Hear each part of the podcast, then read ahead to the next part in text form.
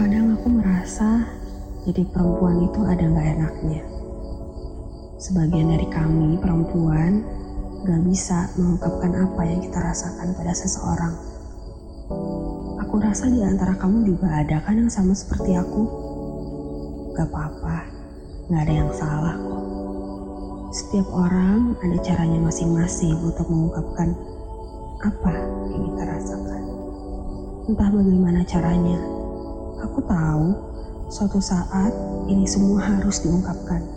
Perasaan ini ada waktunya dan ada batasnya. Gak bisa kita simpan terus-menerus.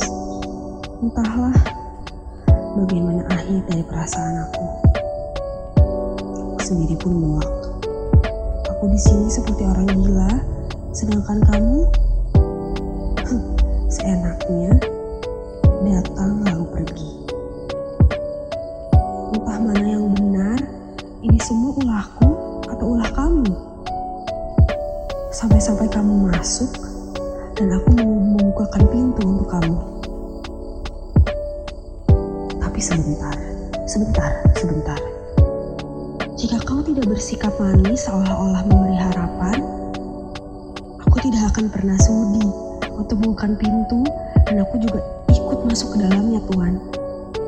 Hei Tuhan, sadarkah kamu apa yang sudah kamu lakukan? Entah aku juga yang terlalu berharap atau memang kamu yang suka main-main. Hei Tuhan, enaknya jadi kamu datang lalu pergi sesuka hati. Tidak ada selamat tinggal, yang ada malah luka. Ya, hanya aku yang terluka,